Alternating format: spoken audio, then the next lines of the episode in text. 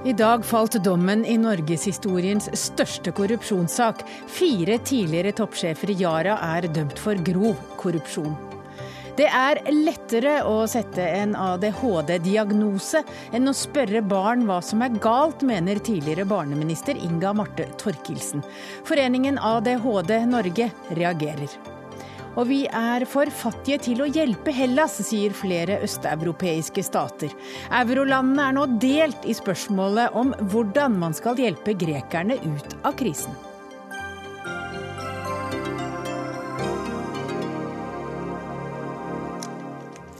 Ja, velkommen til Dagsnytt 18. Jeg heter Hege Holm. Og det går jo ikke upåaktet hen at en av verdens største nålevende popmusikere står på scenen i Oslo i kveld. Paul McCartney er i byen, og det skal vi også snakke om i Dagsnytt 18. Men først til Yara-dommen. For tidligere konsernsjef Yara, Torleif Enger, er dømt for grov korrupsjon. I dag falt dommen i det som omtales som norgeshistoriens største korrupsjonssak, der altså fire tidligere Yara-topper var tiltalt for å ha betalt bestikkelser i Libya og India. Nå har Oslo tingrett dømt Enger til tre års fengsel, og tre tidligere direktører til mellom to og to og et halvt års fengsel. Tre av de dømte har allerede varslet at de kommer til å anke saken. Og Sindre Heyerdahl, du er økonomireporter her i NRK. Kan du først minne lytterne på hva bestikkelsene besto i? Ja, Nå har jo da også Oslo tingrett eh, slått fast at eh, etter deres mening så ble det utbetalt millionbestikkelser til den daværende libyske oljeministeren og til en høytstående tjenestemann i eh, India. I begge tilfeller ble da pengene, beløpet, satt inn på kontor tilhørende disse vippenes sønner. Og hensikten skal i Libya ha vært å bli deleier i en eh, fabrikk der, som Yara ønsket å være en del av. Og eh, i India å få innpass på det indiske markedet. Og da måtte det settes på kontoer som sønnene eide, slik at det ikke skulle være så lett å spore? Ja, det var visst da den foretrukne metoden i dette tilfellet, ifølge tingretten. Tidligere konsernsjef Torleif Enger fikk den strengeste dommen av de fire. Hvordan begrunner Oslo tingrett det? De begrunner det med at han er topplederen, eller var topplederen den gang, og at eh, det er viktig signal at den som er øverst, eh, får den strengeste straffen. Eh, det sier de helt klart og tydelig. Og de sier også at det var jo han som hadde mest makt til å stoppe disse utbetalingene, og dermed må han idømmes den lengste straffen. Det er et paradoks, for da det ble kjent at Torleif Enger var tiltalt for grov korrupsjon, sa hans forsvarer Ellen Holager Andenes dette i Dagsnytt 18-studio. Det er den følelsen man av og til får. Eh, at man har en klient som kommer til å bli frifunnet. Det har slått til før, og denne gangen Jeg har aldri følt det sterkere i denne saken her. Det sa altså Ellen Holager Andenes da det ble kjent at Enger ble tiltalt for grov korrupsjon. Men retten landet altså på lavere straff enn det som var aktors påstand. Hvorfor det? Ja, Retten viser jo til at eh, disse bestikkelsene skal ha foregått i land hvor korrupsjon er en del av forretningskulturen. Så eh, indirekte kan det ligge noe der. Men eh, jeg tror nok ikke aktor er veldig misfornøyd når tross alt alle fire får fengselsstraff. Og i norsk sammenheng ja, så er dette strenge straffer. Ja det, var, eh, ja, det var nok overraskende for en god del. Noen var vel også overrasket over at Andenes kunne si, si det så sterkt at det skulle bli frifinnelse. Men, eh, men, sannheten lå nok et sted eh, midt imellom. Og tross alt, de to norske tiltalte, deriblant Enger, bevisene mot de var jo først og fremst at de hadde påvirket psykisk, ikke så mye fysiske papirspor. Eh, og dermed er det nok en del som ble overrasket over at eh, dommen var så vidt streng også mot de. Men eh, hvilket signal sender denne dommen til andre norske selskaper som driver internasjonalt? Det er et kraftfullt signal. Nå er jo ikke denne dommen rettskraftig ennå siden minst tre anker.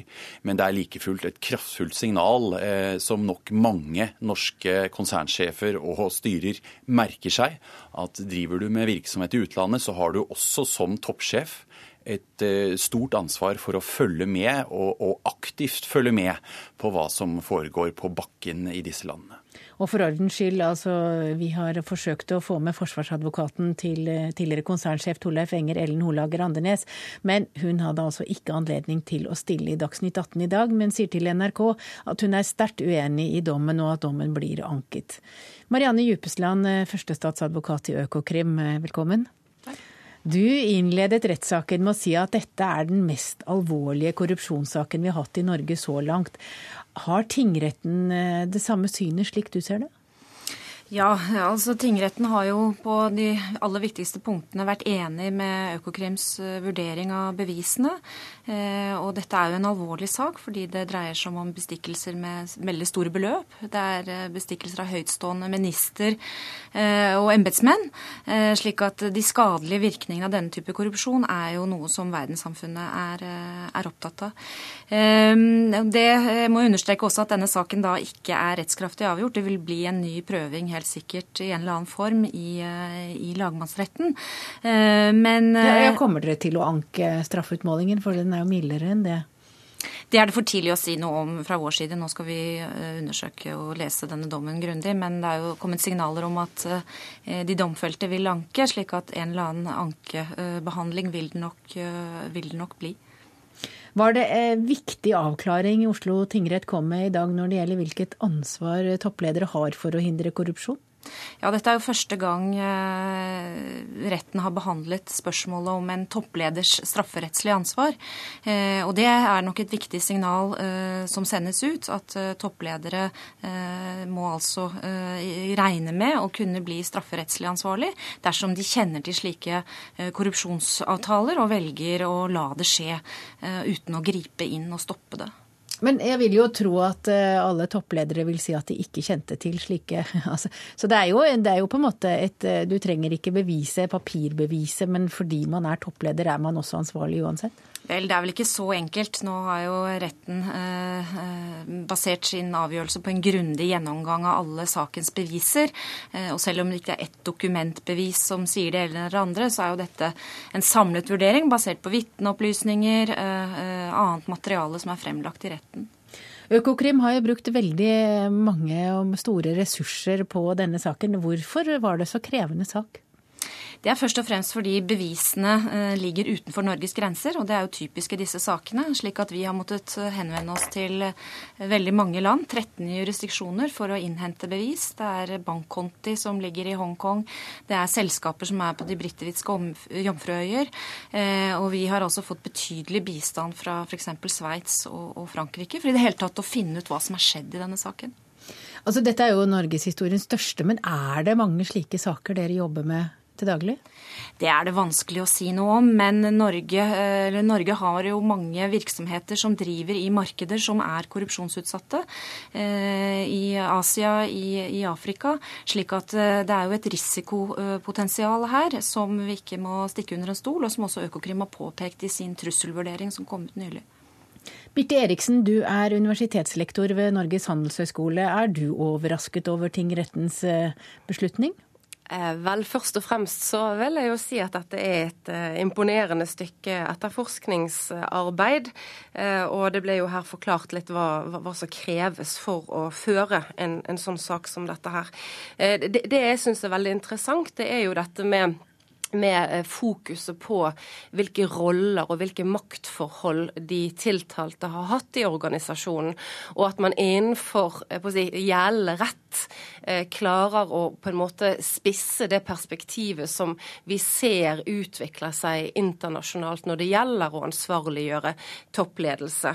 Eh, så det er vel kanskje det aller mest sånn faglig spennende at vi, vi, vi, at vi føler at det er, en, det er, en, rettsutvikling som finner sted i denne dommen, som, som legger seg litt oppå andre, andre kilder som vi, ellers Sånne som jeg studerer. Mm. Ja, er det mange slike store saker?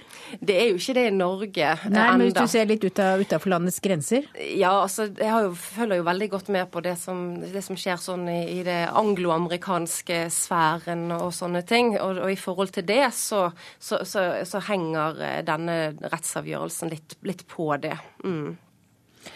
Eh, hvorfor er dette en prinsipielt så viktig sak?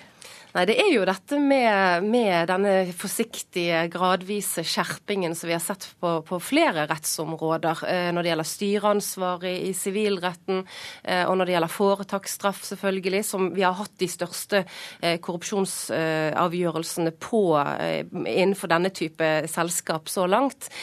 Så, så i, i, forhold til det der med, med, at det blir en skjerping av, av det personlige ansvaret, i tillegg til at foretakene som sådan holdes ansvarlige, det, det er høyst interessant. Mm. Hva fordeler dommen, mener du, om, om ansvaret toppledelsen i store bedrifter har for det som skjer nedover i hierarkiet?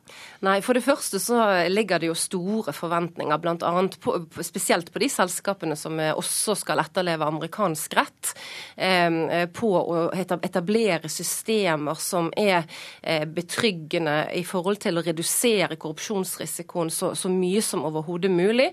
Og for selskaper som da opererer i høyrisikoland, så blir jo ansvaret deretter. Det som er veldig interessant i denne saken her, det er jo det at, at det har vært fokusert på Yara sitt antikorrupsjonsarbeid. Og, og, og, det fremkommer jo også i, i, dommen at det har vært eh, til dels betydelig.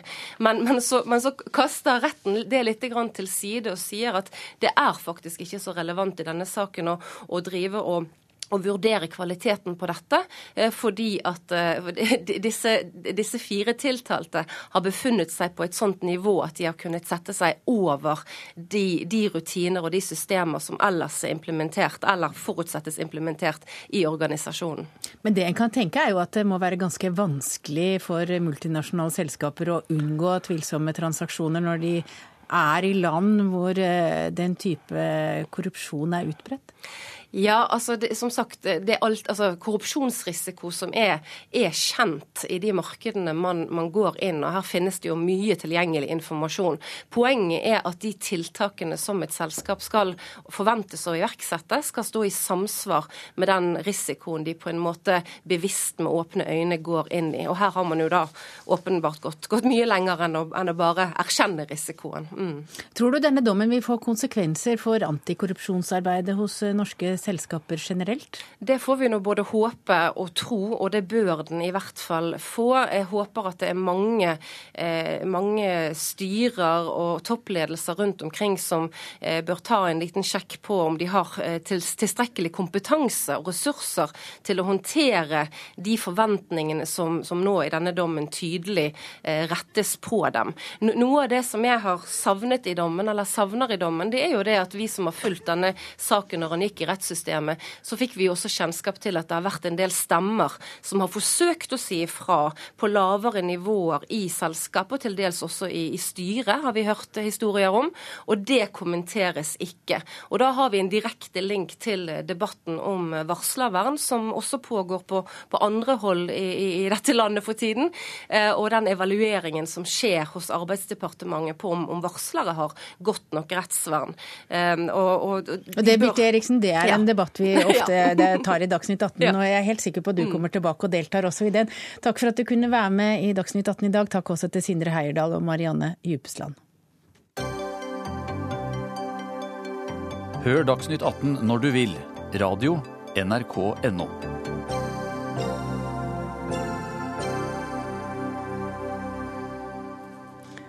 Ja, så er det føljetongen her i Dagsnytt 18. Hvordan går det med Hellas i dag? Har det blitt en løsning? I dag har eurosonens ledere sittet sammen i Brussel for å diskutere krisen, men landene er splittet i spørsmålet på hvorvidt man skal slette deler av Hellas gjeld, og hvor mye. Og mens de større landene som Frankrike, Italia og Spania ivrer for en rask avtale, er de mindre EU-landene mer skeptiske. Og Arnt Stefansen, du er utenriksmedarbeider her i NRK. EUs finansministre har altså møttes, men men det, kom det noe ut av det? Nei, alle hadde jo ventet nå etter denne dramatikken som har vært den siste uka, med folkeavstemning i Hellas og Hellas på kanten av stupet osv., at det skulle komme et forslag, et eh, skriftlig forslag fra grekerne til hvordan man skal komme i forhandlingsposisjon igjen. For det er jo det man har møttes for å få til i Brussel i dag. Men det kom ikke et slikt forslag. Og... Som andre ord så hadde de ikke noe å diskutere? Jo, du kan si at uh, dette er jo også et møte som et slags forsoningsmøte, for det har jo vært mye bitterhet etter denne folkeavstemningen, og mange har vært sure osv. Så, videre. så Så de har jo snakket om mulighetene for å komme i gang igjen, men man hadde vel ventet, eller man hadde ventet et mer konkret forslag. Og det uh, har skapt forvirring og, og, ikke så lite skuffelse blant, blant EU-lederne. Og så møtes jo topplederne. de møtes uh, as we speak.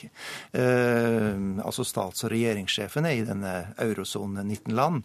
Uh, de møtes nå, og, og, da får vi se om det kommer noe mer utover kvelden. Men, men står gjeldsslette på agendaen når de møtes? I, altså, toppsjefene bestemmer jo, så det er klart at ethvert tema kan tas opp på et toppmøte. Og det som, er, det som er utfordringen nå, det er jo nettopp å komme i gang med forhandlinger, slik at man kan få til en ny avtale med, med Hellas, slik at man hindrer at Hellas så å si faller ut av eurosonen. Men hva er konfliktlinjene på det møtet som eh, er, holder på akkurat nå med regjeringssjefene? Ja, Det er jo flere konfliktlinjer. For det første er den jo mellom, eh, mellom Hellas og de andre.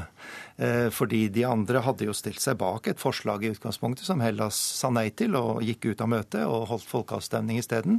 Men du har også andre konfliktlinjer. Tyskerne er mye tøffere i forhold til det å kreve hardere former av grekerne enn f.eks. Frankrike. Du har små land mot store land, eh, som vi vel skal snakke mer om, osv. Så, videre. så du har flere konfliktlinjer. Men den store konfliktlinjen er jo selvfølgelig mellom Hellas og resten av eurosonen. Halvard Melum, du er professor eh, i samfunnsøkonomi ved Universitetet i Oslo. Og land som Estland, Latvia, Litauen og Slovakia de skal jo ha insistert på at de er for fattige. Altså de har for lite penger til å betale Hellas gjeld. Har du forståelse for det? Ja, jeg har eh, forståelse for at politikere i disse landene, men ikke minst velgere og folk flest i disse landene, syns at det er urimelig at de skal støtte Hellas og det greske folk Eh, mange av disse landene er tidligere østblokkland og har gått gjennom kraftfulle reformer med betydelige forsakelser gjennom hele 90-tallet og ble euromedlemmer utover 2000 og har opplevd at eh, de nå er i ferd med å eh, ta igjen. og ligger, Flere av disse landene ligger på nivå med Hellas nå, men de mener vel, og flere av dem med rette, at dette er en posisjon de har kommet til gjennom hardt arbeid og Når forsakelser. Du mener at de ligger på nivå med Hellas, hva tenker du på? Ja, Med hensyn til inntekt per innbygger. Så et inntektsnivå på, som er sammenlignbart med Hellas. Eh, de har ikke på langt nær samme arbeidsledigheten, så det er ikke den samme akutte nøden og det er ikke det samme fattigdomsproblemet i store deler av befolkningen som, eh, som Hellas står oppi. Men eh, hvis du ser på de store tallene, så er de omtrent på samme inntektsnivå. Da syns flere av dem at det vil være urimelig at de skal eh, hjelpe Hellas. Et land som Estland hadde en eh, større nedtur i 2008-2009 enn det Hellas hadde, eh, men kom raskt tilbake og er i disse dager i ferd med å nå det inntektsnivået per innbygger som de hadde i 2008. Så de har vært gjennom en skikkelig Ja, en skikkelig støyt, i hvert fall. Men, men hva er det de har gjort som grekerne ikke får til? Ja, de har de har jo gunstigere posisjon i forhold til eksportmarkeder og det er andre ting, men de har jo kutta kraftig inn på offentlige budsjetter, de som eh, Hellas for så vidt. Men de har ikke det samme gjeldsberget som Hellas har. Så denne gjeldslette diskusjonen er jo viktig for, eh, for Hellas og hvordan Hellas skal komme videre. Men eh, de vil jo også kunne tenke sånn så at hvorfor skal vi hjelpe Hellas med sin gjeld? Vi eh, var jo forsiktige på 2000-tallet og akkumulerte ikke den samme gjelden. Så hvorfor skal vi hjelpe de som var, var løsslupne og arrangerte OL for gigantbeløp ja. osv. men, men hvis det da blir en gjeldsslettordning, og det gjør det vel på et eller annet vis, hvordan vil det påvirke økonomien i land som Estland og Latvia? Ja, de, Hvis de skal ta en eh, like stor eh, De sitter jo på en del av denne gjelden eh, som medlemmer av eurosonen, og de sitter på det som gjennom en del nasjonale banker. Så hvis de tar en like stor gjeldslette, bidrar like mye som Tyskland og Frankrike gjør, så vil det være en større belastning for disse landene enn det det vil være for Tyskland og Frankrike. Som andel av nasjonalproduktet så er gjelden til Hellas fra unnskyld, fordringene på Hellas, som Estland sitter på, og det samme for Slovakia, større enn det eh, Tyskland og Frankrike sitter men, på. Men hvor stor myndighet har de? Altså, Hvordan er det med, hvis man skal da stemme over eh, Ja, de har vel én stemme, og det er én stemme for hver. Ja, men det som er eh, den gode nyheten eh, for å komme videre, er jo at uh, Tyskland og Frankrike, som har de åpenbart største pengesekkene, kan jo betale ut disse landene og tilfredsstille dem på forskjellige måter. For det er ikke helt avgjørende at de, de i form av millioner eller milliarder av euro som de landene eventuelt skal ettergi, så er ikke det avgjørende for hvordan dette går.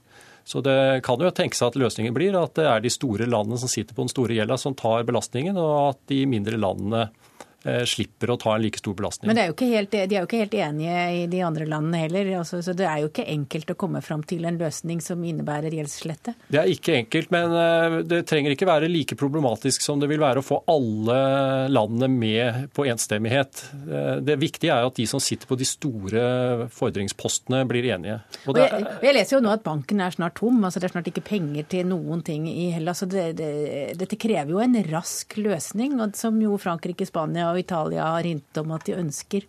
Ja, det krever en uh, rask løsning, og det kan tenkes at det må bety at disse mindre landene skal få lov til å slippe å bidra. Det er en, del av forhistorien her at grunnen til at de sitter med gjeld, er jo at uh, denne gjelden som tidligere ble eid av franske og tyske banker særlig, ble overtatt av eurolandenes myndigheter.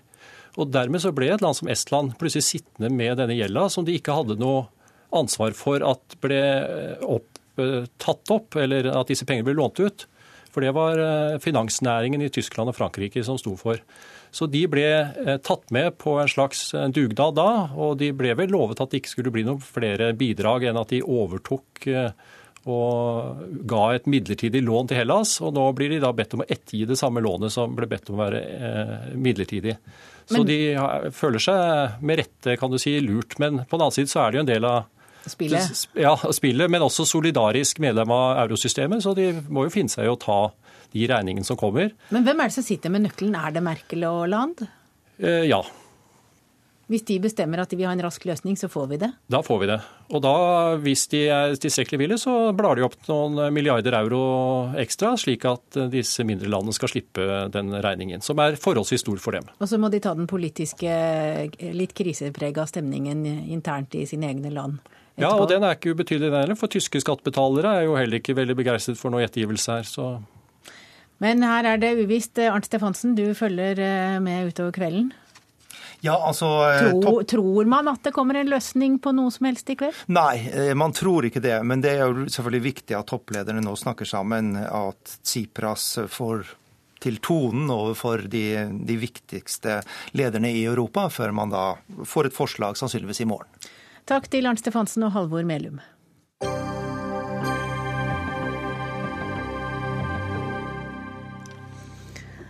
Da Paul McCartney var i Norge første gang, da kostet konsertbillettene fra 10 til 45 kroner. I kveld koster den billigste 720 og den dyreste mange tusen kroner for å høre eks-Beatlen på Telenor Arena i Oslo. Men ifølge musikkanmeldere som hørte 73-åringen på Roskilde-festival for noen dager siden, så er altså konsertbilletten verdt prisen. Og Arild Rønsen, du er forfatter, du er journalist. Du har bl.a. oversatt boka Beatles Beatles versus Stones.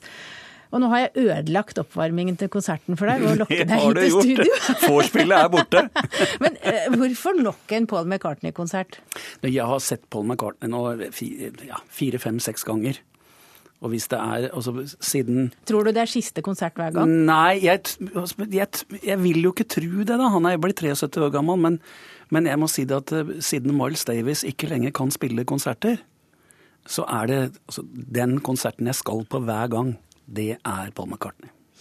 Er en konsert med Makka først og fremst en stor opplevelse for nostalgikere og folk med defensivt hårfeste og sig i buken, som eh, Vattum skriver i Aftenposten? Dette er med buken og defensivt hårfeste og sånn, det skjønte jeg ingenting av i det Ja, det er noe som men, og henger og Nei, men også, jeg, jeg, må si det når det gjelder utseendet til Makka, så, så, har jeg ikke jeg, jeg skjønner jo ikke noe egentlig av det. Han, han, er jo så flott fyr. Nei, nå tenkte at, jeg mer på de som ser på han, ja, at det er foreldre mennesker som er nostalgiske. Nei, er det det? Altså, Paul McCartney har lagd Han har vært den absolutt største popmusikeren i 50 år.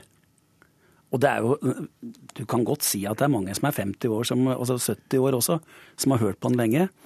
Men det går ikke an å si at det er nostalgisk. det mener jeg altså, Han er den største popmusikeren ever i moderne historie. Kanskje etter Mozart, da. Men det er jo 250 år siden. Men Paul McCartney er den største av dem. Og Du har akkurat lest en bok om Paul McCartney, hvor forfatteren mener at eh, noe av det mest underkjente med denne mannen er solokarrieren hans, og ikke Beatles-tida? Det er jeg helt enig med forfatteren i. fordi at uh, altså det som skjer mellom 1969 og det som er til nå, det altså, han har altså, Skal vi si da sånn uh, lagd 50 nye låter i løpet av de 40 åra som er kjempegode. Og vi skal høre en av dem, vi. Men kan vi kanskje gjøre det? Vi skal høre det nå, skal vi høre en av dem. 'Maybe I'm Amazed'. Den kom ut i 1970. Hvorfor skal vi høre den? Fordi at det var den altså, Dette er jo en veldig spesiell historie. fordi at McCartney, den, det albumet hvor denne ligger på til slutt, det kom jo ut før Let It Be-albumet til Beatles kom ut. Og jeg tror at de tre andre Beatlene, de syns nok det var litt ugreit at, han... Paul, at Paul McCartney lagde 'Maybe I'm Amazed' på et soloalbum før det siste albumet til Beatles kom ut. Men han har jo holdt på sånn. Vi skal altså, høre litt. Maybe I'm amazed.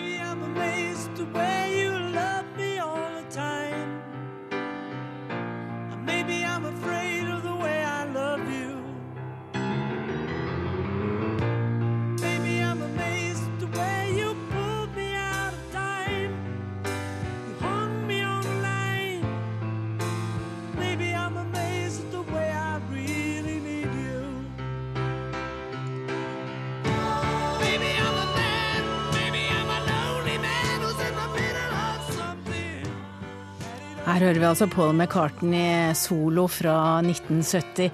Og vi har med oss Bettan Elisabeth Andreassen, du er artist og musiker. Hva slags forhold har du til Paul McCartney? Altså, han har jo inspirert meg i alle år, helt fra det man begynte å høre på Beatles og til Wings. Og jeg føler han er en sånn multimusikant som kan og får til alt. Og en utrolig inspirasjon til andre, både musikere og artister jeg elsker å gå på konserten hans og, og, se han og høre han. Og også, også, det engasjementet som han og Linda også har hatt i, i uh, helsespørsmål og ja, alt med økologisk og mat og Altså, jeg syns det er bare en sånn fin boble som de lever i. Har du møtt han? Jeg har ikke møtt han, men jeg har uh, vært på masse konserter og jeg elsker når han tar fram uh, høfnebassen og spiller med venstrehånda. er det noe du liksom som musiker har plukka opp av triksa til Paul McCartney? Ja, altså Jeg spiller jo også kontrabass eller bass selv, og har alltid vært liksom sett et litt sånn fint øye til han. Men uh, nå, nå, er jeg høyrehendt, da. Men han har i hvert fall inspirert meg uh, veldig mye. og, og, en fantastisk person tror jeg også han er.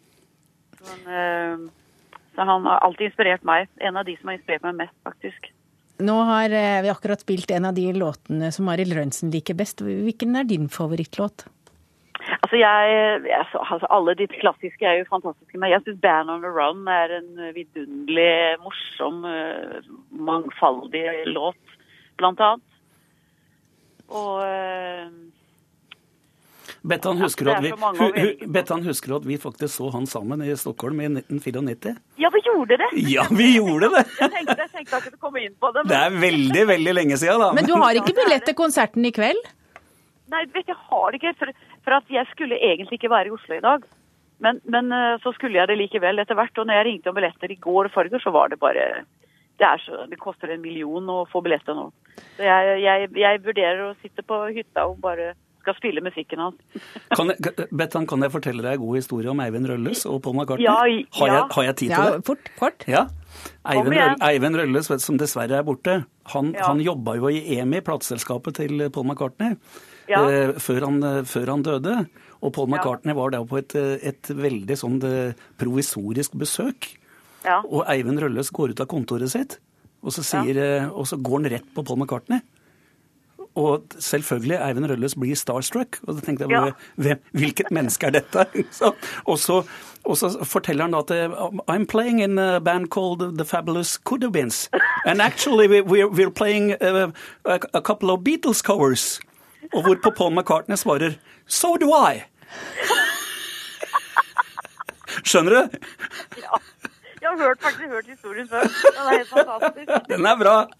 Men Arild Lørensen, du skal ut av studio nå for konserten begynner om en knapp time. Den varer nesten tre timer. Han spiller 39 låter. Hva blir kveldens høydepunkt?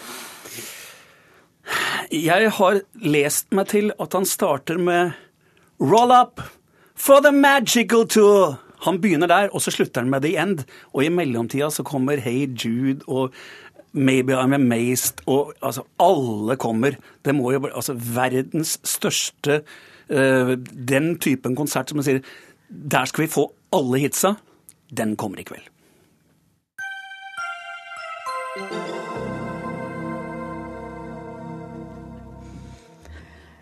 Organisasjonen ADHD Norge reagerer sterkt på Inga Marte Torkelsens påstander om at det er lettere å dele ut en ADHD-diagnose enn å spørre et barn hva som egentlig er grunnen til uroen. Det heter Torkelsen i boka 'Du ser ikke før du tror det'.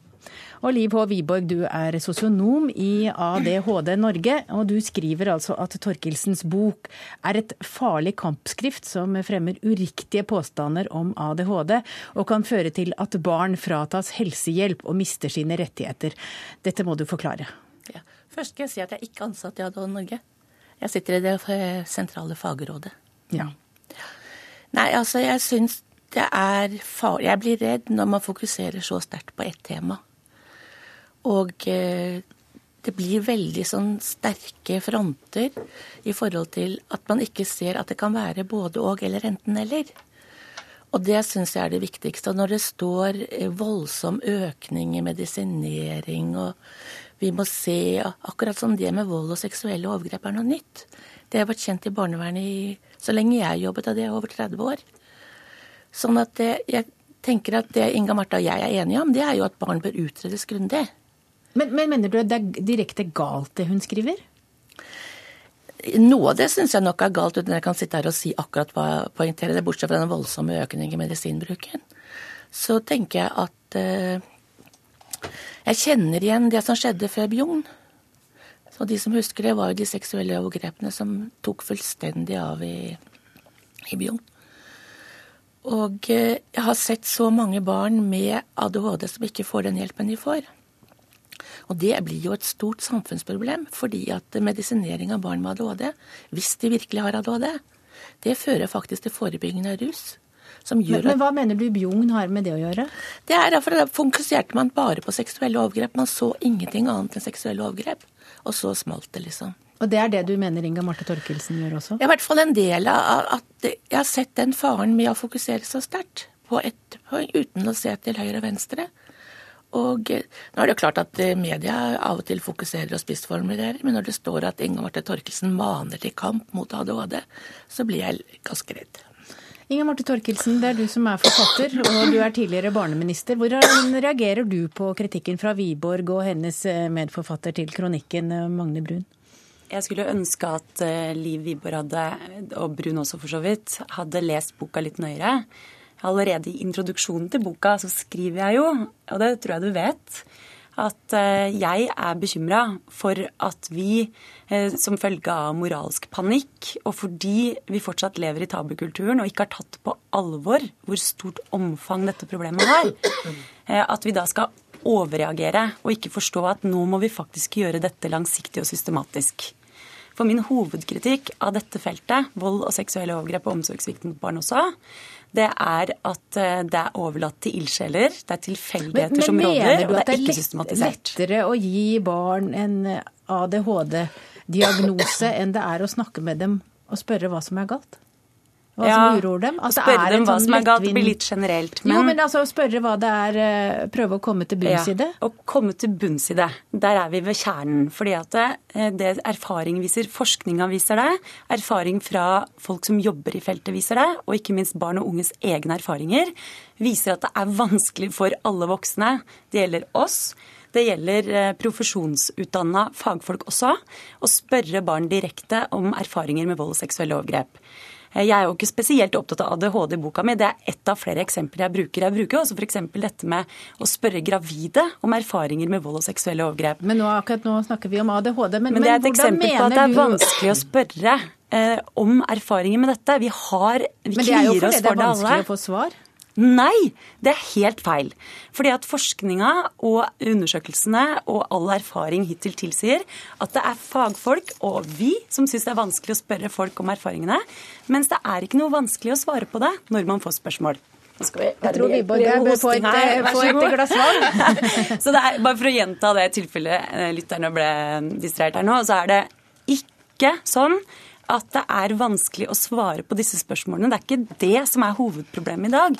Hovedproblemet er at vi ikke tør å spørre. At det er feige voksne. Ja, det er en feighet som vi har alle sammen. Altså, ingen av oss har jo lyst til å tenke tanken på at barn blir utsatt for de mest forferdelige ting i sine egne hjem fra familiemedlemmer hvor de skulle ha vært trygge. Særlig ikke fra egne foreldre eller søsken. Og da blir de satt på medisin isteden mot en sykdom de ikke har. Det er jo litt sånn tabloid overskrift. Men mange fagfolk har gjennom lang tid, og det toppa seg med Kristoffer-saken og Alvdal-saken, som var helt dramatiske enkeltsaker i norsk historie, men som vi har mange andre eksempler på også, av tilsvarende karakter, eh, har advart om at fordi eh, vi både syns det er vanskelig å tro at barn blir utsatt for sånne ting. Vi tør ikke å spørre. Vi har ikke kunnskap eller handlingskompetanse. Og fordi symptombildet for ADHD er såpass likt de symptomene og den atferden som barn utsatt for vold og overgrep også viser, så er det lett å blande de sammen. Og da kan det lett skje som med Kristoffer, at man så ikke hva ungen egentlig sleit med før det var for seint. Man så bare ADHD-diagnosen. Nå tror jeg faktisk at du ikke skal blande meg inn at man ikke ser vold og seksuelle overgrep. For jeg har sett det meste i løpet av min karriere som barnevernsarbeider. Og jeg har jobbet i barnevernet siden 1982. Men er det lett å Jeg syns ikke tørre faktisk å det er vanskelig Nei. Det er lett å spørre og snakke med barn hvis man bare ønsker å gjøre det. Og jeg tenker at jeg har sett Men om du mange gjør det, er det andre som ikke gjør det, som heller Jeg er helt sikkert alltid. Alle er ikke like flinke, alle gjør ikke det som er riktig. Men det som er, øh, gjør meg bekymret, er jo at man setter opp en, en problemstilling. Og så innsamler man eh, fakta og rapporter og forhold til det man tror er problemet, og så ser man ikke det høyre og venstre. Og det er det jeg har bl.a. kritisert Torkelsen for. Hun bruker rapporter og forskning som underbygger det hun mener, og så bruker hun ikke forskningsrapporter som viser av og til noe av det samme, men hvor mye bedring det er for et barn med ADHD å få ordentlig utredning og få den hjelpen den trenger. Hovedproblemet på dette feltet har jo vært at myndigheter, eh, egentlig veldig mange land, ikke har tatt inn over seg hvor stort folkehelseproblem dette er.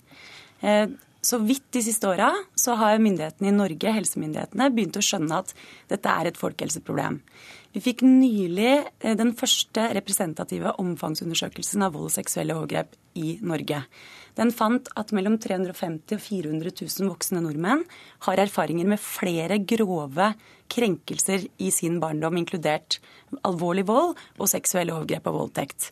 Eh, Så fant de også at 13% omtrent av barna er utsatt for vold, seksuelle overgrep og voldtekt, og de sier at det tilsvarer i gjennomsnitt to til tre i hver klasse. Men, men Inga Ingenting det er jo beskrivelsen Men du har jo vært barneminister, så du vet jo på en måte hvordan systemene er, og hvordan bra- Ja. barn blir mottatt. Ser du noen annen måte å organisere det på, slik at eh, du ville komme dypere til bunns i barns ja, problemer? Og det er jo det jeg prøver nå Ja. å skulle si. Nemlig at man man igjen. må forstå at dette er et folkehelseproblem. Det berører hver eneste klasse, hver eneste barnehage, hver eneste kommune. Det er ingenting som tilsier det i dag. Fordi at disse barna oppdages jo ikke. Og hvorfor det? Er det fordi det er lettere å forklare barnets atferd og symptomer med forhold hos barnet sjøl, at barnet har et eller annet problem som skyldes barnet eller noe medfødt, istedenfor å se at barnet kanskje lever under uakseptable forhold og prøver å si oss noe? Jeg vil si at Det blir jo veldig dramatisk i forhold til ADHD. Det er estimert at det er 3-5% av norske barn som har ADHD. Og Den siste undersøkelsen jeg har sett, som er fra 2012, tror jeg, der viser det seg at det er 2% av norske befolkning, altså av barn mellom 10 og 15 år, som har ADHD. Og da ligger vi langt under det å utrede barn og finne ut hvem som har ADHD. Så det er altså lite er lavt. sammenlignet. Og når man snakker om en kolossal økning i bruk av Ritalin, så ser man ikke at eh, dette sentralstimulerende medisinen som hjelper barna, også gis til voksne, for de ble medisinert fra 2005, og andre diagnoser. Og når det øker fra 1,2% til 2,4, så er det fortsatt veldig mange barn som burde ha fått den hjelpen de trenger. Flere og flere fagfolk interesserer seg for dette. Norge ligger i verdenstoppen når det gjelder diagnostisering på ADHD. Vi er det landet i Norden som medisinerer flest barn, og FNs barnekomité har spurt hva er det som skjer i Norge. Og skader det. skader helt sikkert ikke barna at det blir en debatt av det. Takk for at Nei, dere er kom, Liv Wiborg og Inga Marte Torkelsen. Hør Dagsnytt 18 når du vil. Radio NRK.no. Norske politikere har nesten en parodisk berøringsangst overfor religion, skriver KrF-leder Knut Arild Hareide på NRK Ytring. Etter at Barack Obama sang 'Amazing Grace' i en minnestund etter kirkemassakren i Charleston, etterlyser KrF nå mer åpenhet om offentlige personers religion og livssyn. Amazing grace, how sweet the sound that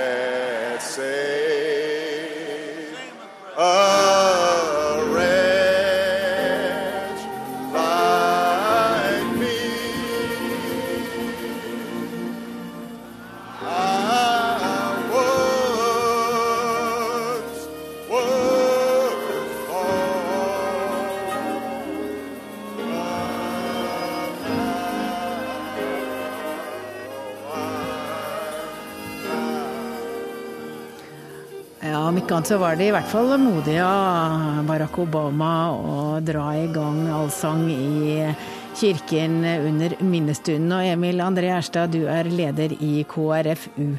Og dette er noe dere savner i norsk politikk. Hvorfor det?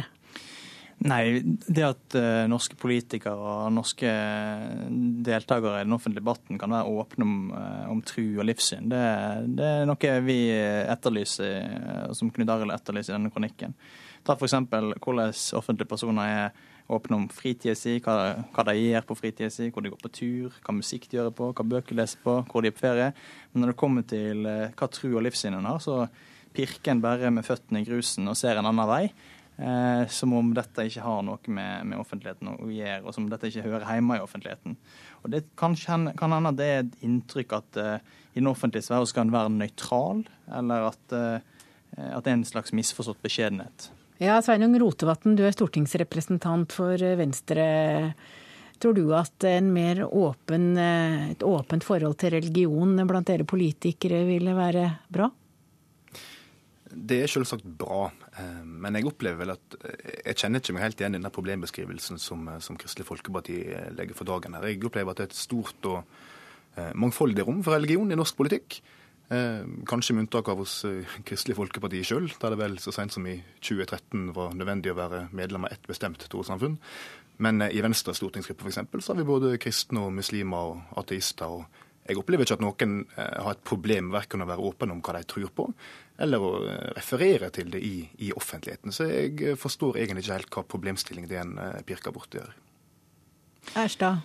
Nei, altså det er jo, Vi kan jo nevne eksempel. Når Jonas Gahr Støre sto fram som eh, kristen etter at han ble valgt, eller før han ble valgt og etter han ble valgt som leder for Arbeiderpartiet, så kom det med en gang reaksjoner på det, både fra eget parti og utenfor partiet, som gikk på at han nå hadde skumle hensikter som politiker fordi han eh, hadde ei tru som han snakka offentlig om. Eh, og Det samme kan nok mange nok kjenne seg igjen i, i den, eh, i den Eh, anklagen eller den påstanden om at uh, tru det er privatsak, det holder vi, holder vi unna den offentlige debatten. og ikke lenge siden Per Sandberg hadde et, en, en, ganske krass kronikk på i Dagbladet, der han argumenterte for at uh, islam og kristendom det, og de som sto for den, disse religionene, de var, sto for all ekstremismen her i landet, og dermed mistenkeliggjorde alle som, som gjorde det. Jeg, jeg opplever at det er et trangt rom. Jeg tror mange andre også opplever at det er et trangt rom for å stå fram i det offentlige ordskiftet i Norge med, med, hva en tror på. Jeg tror det er derfor få gjør det. Jeg tror det er derfor vi ikke vil se en norsk statsminister synge 'Amazing Grace' i en lignende Ville ikke det vært veldig rart om en norsk statsminister jo, gjorde det? Eller, eller, noe lignende. Det er jo en litt mer sånn amerikansk eh, Du kan si det, men, men det å, sak å bryte ut i lovsang?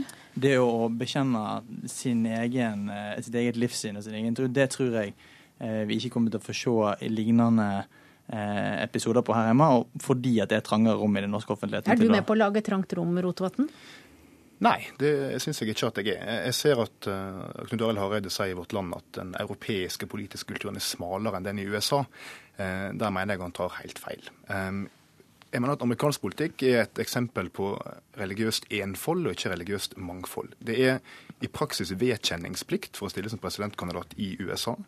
Uh, at en ikke-troende skulle stille som president, ville vært helt utenkelig, og det vet en jo.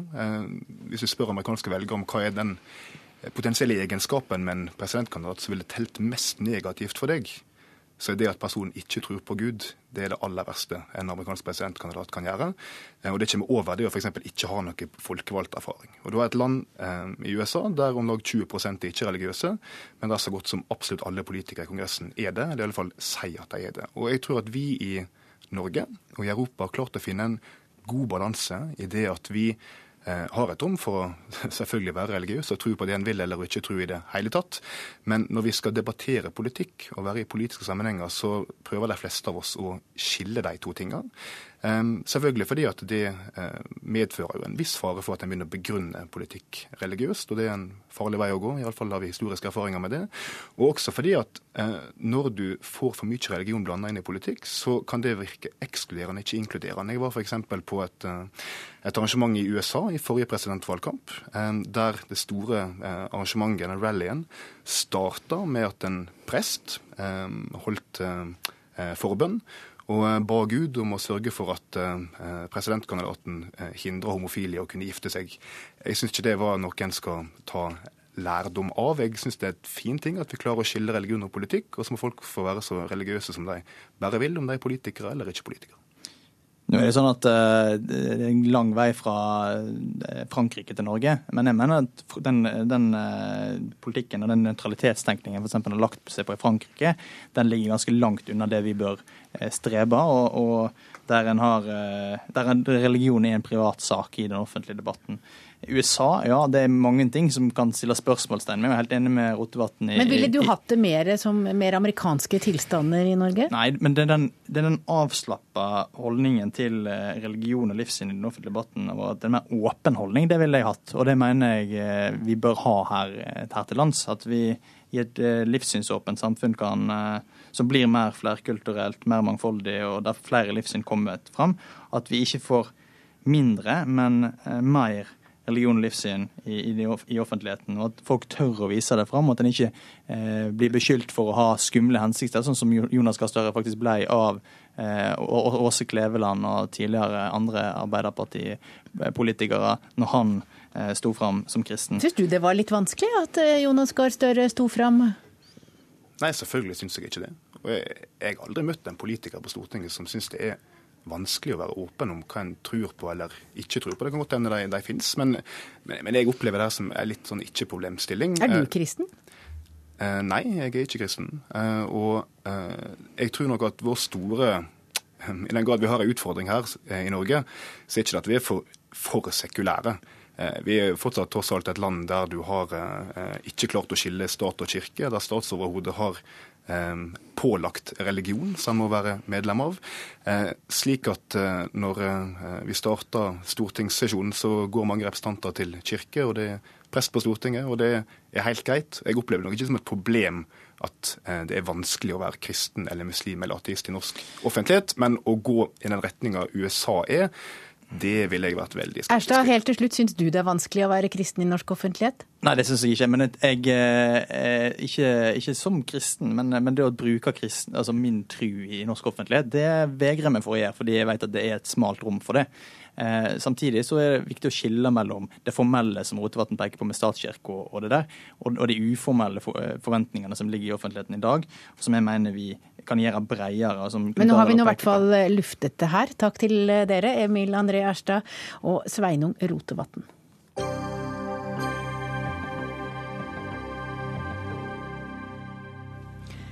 Over halvparten av norske kommuner sier de syns det er vanskelig å gjennomføre regjeringens skoleløfter. Med de pengene kommunene har til rådighet. Dette viser altså en ny undersøkelse som Utdanningsforbundet har bestilt. I kommunene fortviler Utdanningsforbundets medlemmer over at de flotte skolebyggene og de gode arbeidsvilkårene uteblir. Ragnhild Lid, det er du som er leder for Utdanningsforbundet. Hvilke løfter er det kommunene ikke klarer å innfri? Eh, Det er veldig mange av de målene som eh, nasjonale politikere og det særlig setter for, eh, for skolen. Her har en stor satsing på videreutdanning for lærere, og så ser en at mange kommuner ikke er villige til å sende lærerne på denne videreutdanninga. Det har vært satsing på skolehelsetjenester. Det har vært overført midler til det gjennom statsbudsjettet. Men så ser vi altså at det ikke er kommet flere helsesøstre ute på, på skole. Eh, og det er ikke minst eh, vært en satsing på, fra forrige regjering på å få flere lærere i småskolen. Eh, og det kunne vi heller ikke se noe resultat av. Men, men hva forklarer kommunene løftebruddene med? Det som er utfordringa, er at eh, slik kommunene forklarer det, det at de må prioritere i stramme kommunebudsjett. Eh, og Når det gjelder skolen, så er det veldig lite nasjonale kvalitetskrav.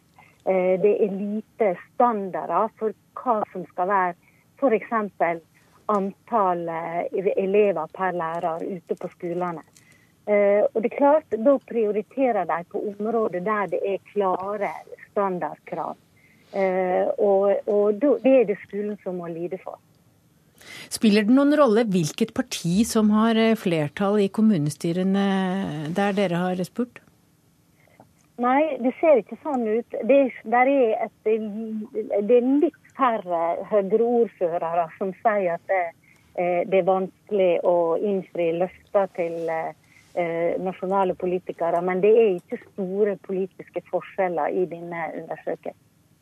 Kent Gudmundsen, du er stortingsrepresentant for Høyre, og du sitter i kirke-, utdannings- og forskningskomiteen. Hvorfor, kan, eh, hvorfor lover dere mer enn dere kan holde?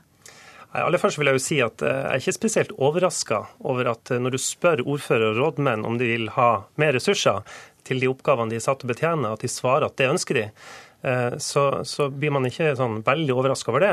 Eh, Og så vil jeg si at eh, Men det er jo ikke det de sier, de klarer ikke å oppfylle de løftene som politikerne har gitt, og innfri de forventningene som er skapt. Ja, men det ligger jo litt i det, da. At eh, man ønsker mer ressurser. Eh, og i så måte så er jeg ikke spesielt overraska over at man ønsker det. Sånn vil det alltid være, tror jeg, når man eh, spør et sånn type spørsmål. Det som er også interessant, er jo at det er faktisk ganske mange, 43% som sier at de har nok ressurser. Og det sier de i et valgår, så, så det er òg verdt å ha med seg. Men når det er sagt, så så tror jeg enhver politiker må gå i seg sjøl om hva man leverer på sitt område, og hva man lover i valgkampen. Eh, Og For vårt vedkommende så ga vi et sterkt løfte i forhold til videreutdanning av lærere og det å satse på læreren. Eh, Og nå leverer vi altså rekordresultater på det. Eh, Ingen ledige plasser. Alle kommunene eh, har sendt Nei, mange lærere har sendt inn søknader. Og eh, alle plassene er altså tatt. Over 5000 lærere det er snakk om. Vi ser ikke deg, Lid, men vi hørte at det var noe du ville si? Ja, nei eh, det, det hørtes ut som han påsto at, at alle lærere får denne videreutdanninga. Det er fremdeles kommuner i dette landet som sier at de ikke ønsker å prioritere sånn som regjeringa eh, sier de skal prioritere. Så her er det altså regjeringa som setter noen mål for skolen, eh, og som formidler til lærerne at nå skal dere få videreutdanning. Men som så sier lokale politikere og eh, kommuneadministrasjon nei eh, når lærerne spør der. Så det blir skapt noen forventninger, eh, og så blir ikke de ut, eh, gjennomført i praksis. Men, men da er det jo viktig å faktisk få fram at den uh, videreutdanningssatsinga som vi gjør nå fra regjeringa, er jo faktisk fullfinansiert eksempel på realfagssatsing. Da er det ingen egenandeler for kommunene. eh, Og nå er det lokalvalg, og da anbefaler jeg jo at eh, man løfter dette i eh, valgkampen og faktisk setter skole som en av de fremste Men, men tror du ikke på Lid når hun sier det at det er kommuner som ikke ønsker? Jo, men vi har jo et lokaldemokrati i dette landet. Jeg tror ikke det er noen her som vil kaste på båten det. Eh, Så det er klart, eh, noen vil jo prioritere man- annerledes. Eh, men- det som er viktig, er jo hva nasjonale politikere legger av ramme overfor kommunene. Og her vil jeg jo si at vi har, ved å fjerne egenandelen f.eks. på realfagene og økt satsinga for øvrig, så har vi jo letta byrden betydelig for nettopp det området i kommunene. Er det med tanke på valgkampen dere har nå kommet med undersøkelsen, Lid? Eh, Nei, dette her var gjort eh, tidligere, men det, det er selvsagt interessant å bruke den i valgkampen. For dette handler om muligheter for eh, lokale politikere til å følge opp nasjonale ambisjoner og mål for skolen. På den ene sida kan det handle om manglende ressurser. Men det handler jo også om at noen kommunepolitikere ikke er enig i de målsettingene som regjeringa og som Stortinget har for skolen, og da setter de det til side. Eh, det betyr at vi etter hvert begynner å få store forskjeller fra kommune til kommune når det gjelder eh, særlig eh, grunnskolen.